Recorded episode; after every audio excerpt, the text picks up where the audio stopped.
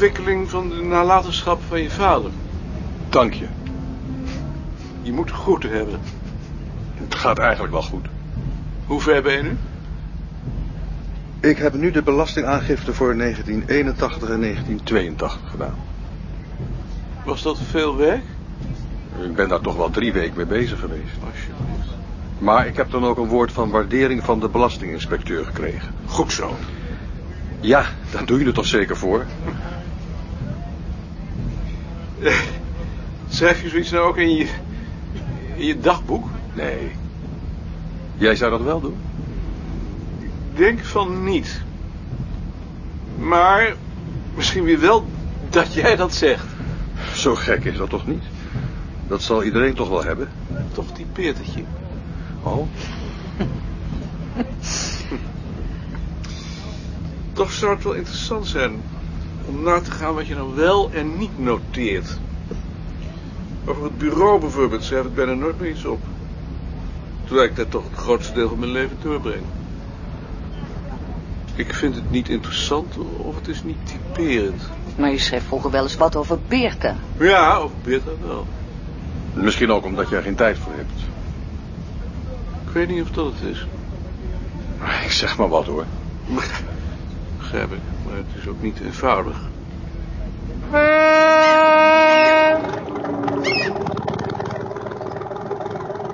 Het idee van dit bootje is van mij. Bij de eerste vergaderingen dat ik lid was van de commissie kwamen ze met het plan om voor de ontsluiting van het buitenmuseum een doorbraak door Enkhuizen te maken. Zinnig. Ik stelde toen voor om een veerdienst te maken vanaf het station. Dan kwamen de bezoekers meteen met de trein. Belachelijk. Vrolijkheid. Waar ik het geld vandaan dacht te halen. Alsof zo'n doorbraak niet honderd van meer kost. Dan hoeven ze geen mensen voor in dienst te nemen. En daar draait tegenwoordig alles om. Een jaar later komt de directeur met hetzelfde plan. Het zogenaamde vaarmodel. Prachtig. Het ei van Columbus. Maar niemand die dan zegt... Dat heeft koning het vorig jaar toch ook al voorgesteld? En zelf kan je dat niet doen. Dit om je een indruk te geven van mijn gewicht. Ja, dat is wel vervelend natuurlijk. Kan me niet schelen. Als het maar vaart. Ja, nee, natuurlijk. Nicolien dacht vroeger dat mensen van aardappel zijn. Als je dat zo ziet, dan kun je dat ook wel voorstellen. Nee, dat heb ik eigenlijk nooit gedacht. Omdat ik het idee dat ze van vlees waren griezelig vond. Ja, daar zit wel wat in. Erger jij je ook zo aan domme vrouwen? Niet in het bijzonder, geloof ik. Die daar, bijvoorbeeld. Die daar rechts.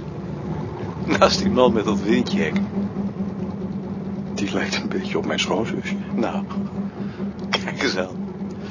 Ja, maar die mag ik natuurlijk niet dom vinden. Toch wel heimelijk. Ja, heimelijk wel, al geeft dat natuurlijk toch wel weer problemen. Die daarvoor. Weerwekkend. Ik geloof dat ik niet zo erg ga aan vrouwen, behalve als ze een zonnebril boven op hun hoofd zet. Dat is heel erg. Of als ze een pet hebben.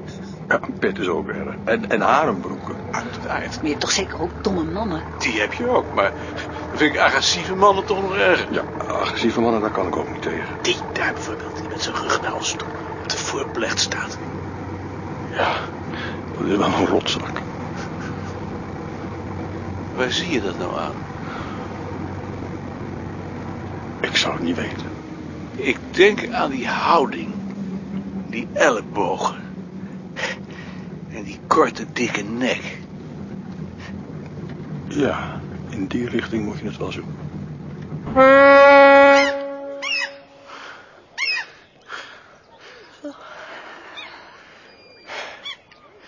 In dit huisje wil Van der Land gaan wonen als hij gepensioneerd is. Ja, die ken ik natuurlijk niet. Van der Land is iemand met wie ik in acht of tien commissies zit. en dan is het de bedoeling dat wij in dat huisje daarnaast onze intrek nemen. Dat lijkt me eigenlijk niet zo prettig. Het is meer een idee. Je moet toch wat tegen elkaar zeggen? Tegen half vijf zaten ze in de zon op een bank bij de Markerhaven. Het was stil geworden. Een wolkeloze blauwe hemel. Voor hen aan de waterkant stond licht wuivend riet. Er bloeide bitterzoet en moerasalmdoorn. Een fut werd lastiggevallen door haar piepende jongen. Ze trok zich er niks van aan, ze bleef rustig toilet maken. Ze liepen door het Staverense poortje, het museum weer uit en wandelden door Enkhuizen van de ene kerk tot de andere.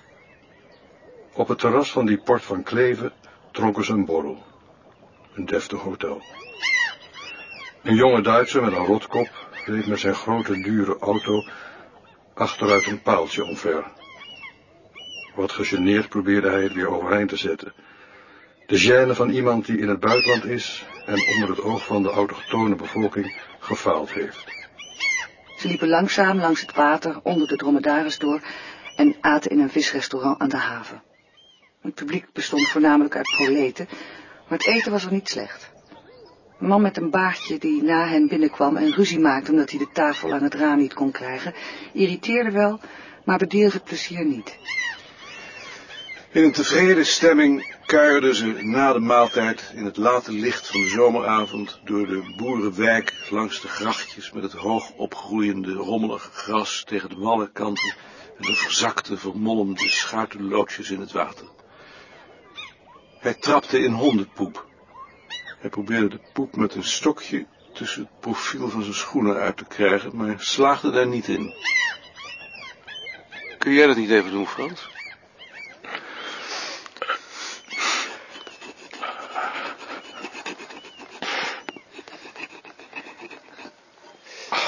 Dank je.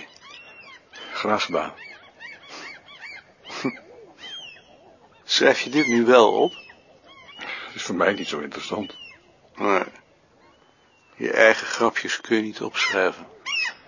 Maar jij kunt het natuurlijk wel voor me doen.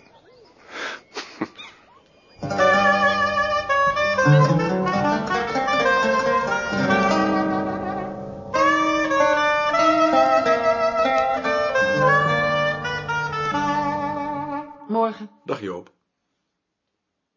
Dag Siem. Dag Maarten. Dag Maarten. Dag Bart. Dag Maarten. Dag Bart. Dag Ad. Ik zit aan het bureau van Beerta. Ja. Zodra hij de deur achter zich gesloten had, had hij als elke keer een gevoel van bevrijding, alsof hij onbereikbaar was geworden voor de dreiging van buiten. Hij zette de ramen open, ging op de stoel van Beerta zitten en overzag de papierwinkel die op het schrijfblad lag uitgespreid. Stapels boedelbeschrijvingen, fiches, tabellen, grafieken, kaartenbakken, kladpapier.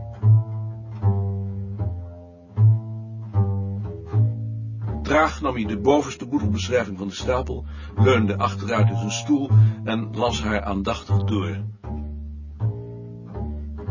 Een tijd lang werkte hij geconcentreerd. Onder het schuine matglazen dak was het heet. De zon viel net tot zijn stoel. Hij knoopte zijn blouse los, maar dat bracht nauwelijks verlichting.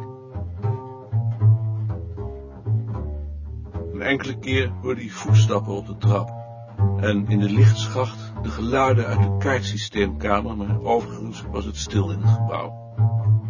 Voor zover de mensen met dit weer hun heil niet elders hadden gezocht, zaten ze in de tuin. Tegen half vier werd het beneden in de lichtschacht rumoeriger. Gepraat, gelach.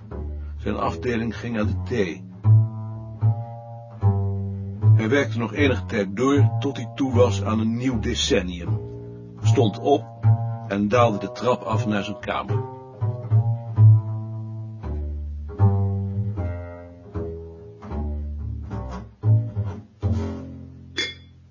Joop, Nicolien heeft een pakje rozenbottel thee voor ons meegegeven. Zal ik dat aan jou geven? Nou, dat werd dan ook wel eens tijd.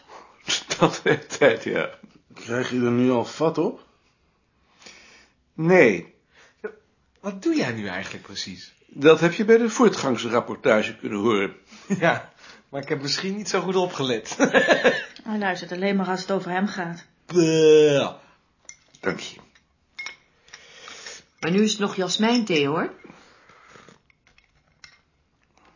Nou, heel lekker. Ik maak van ehm, elke ruimte in de huizen waarvan ik een boedelbeschrijving heb, een beknopte inventaris om erachter te komen waar die ruimte precies voor gebruikt werden. Dat zal toch wel hetzelfde zijn als nu? Nee, het is heel anders. Maar ik kom niet achter hoe het precies anders is. Ik kan geen patroon ontdekken. Sommige ruimtes staan stampvol, andere zijn bijna leeg. Het hangt ook weer van de bewoners af. Je kunt er geen pijl op trekken. Ik had nu net een man, een eh, meestelijke man, vrijgezel. Als de notaris daar na zijn dood binnenkomt met de familie om de erfenis te verdelen, dan vinden ze twee verzegelde kasten. Je kunt je de opwinding voorstellen. De notaris maakt de eerste kast open, niets. En dan de tweede kast. Ik stel me voor dat de spanning om te snijden was. Hij maakt hem open. Alleen een oude jas en een hoed. Wat doe je daar dan mee? Niets. Ik kan er niets mee doen. Het zou toch mogelijk moeten zijn om al die gegevens in een computer te stoppen en die dan het gemiddelde te laten berekenen? Van mij mag je, maar ik geloof er niet in. Ook ik zou toch wel eens willen proberen. Moeten we niet iets aan zien doen? Ik dacht erover om een fles witte wijn voor te kopen. Maar wel een verdomd goeie. En eh, om er een keer op te zoeken. Wat heeft zien? Aan haar voet geopereerd. Gek, hè, dat het zo lang duurt. Twee maanden. Hoe verzin je het? Ik heb het niet verzonnen. Mhm.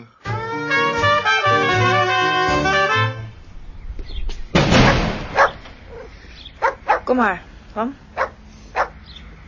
Hij heeft een eh, kale plek op zijn rug. Ja. Maar hij is eigenlijk te dik.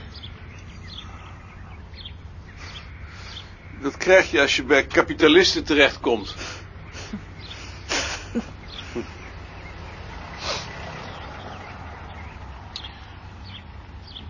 Hoe, hoe oud is hij nu? Acht.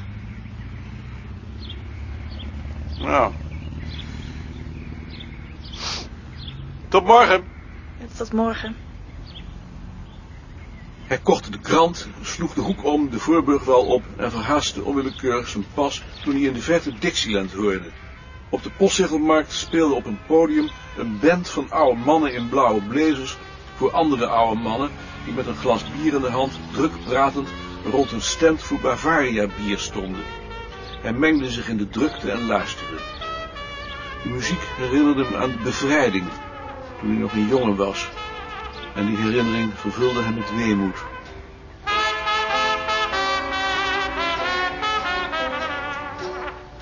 Zijn weg vervolgend nadat een nummer was afgesloten, bedacht hij hoe weinig er van die tijd was overgebleven. Zo weinig dat hij er niet over kon denken.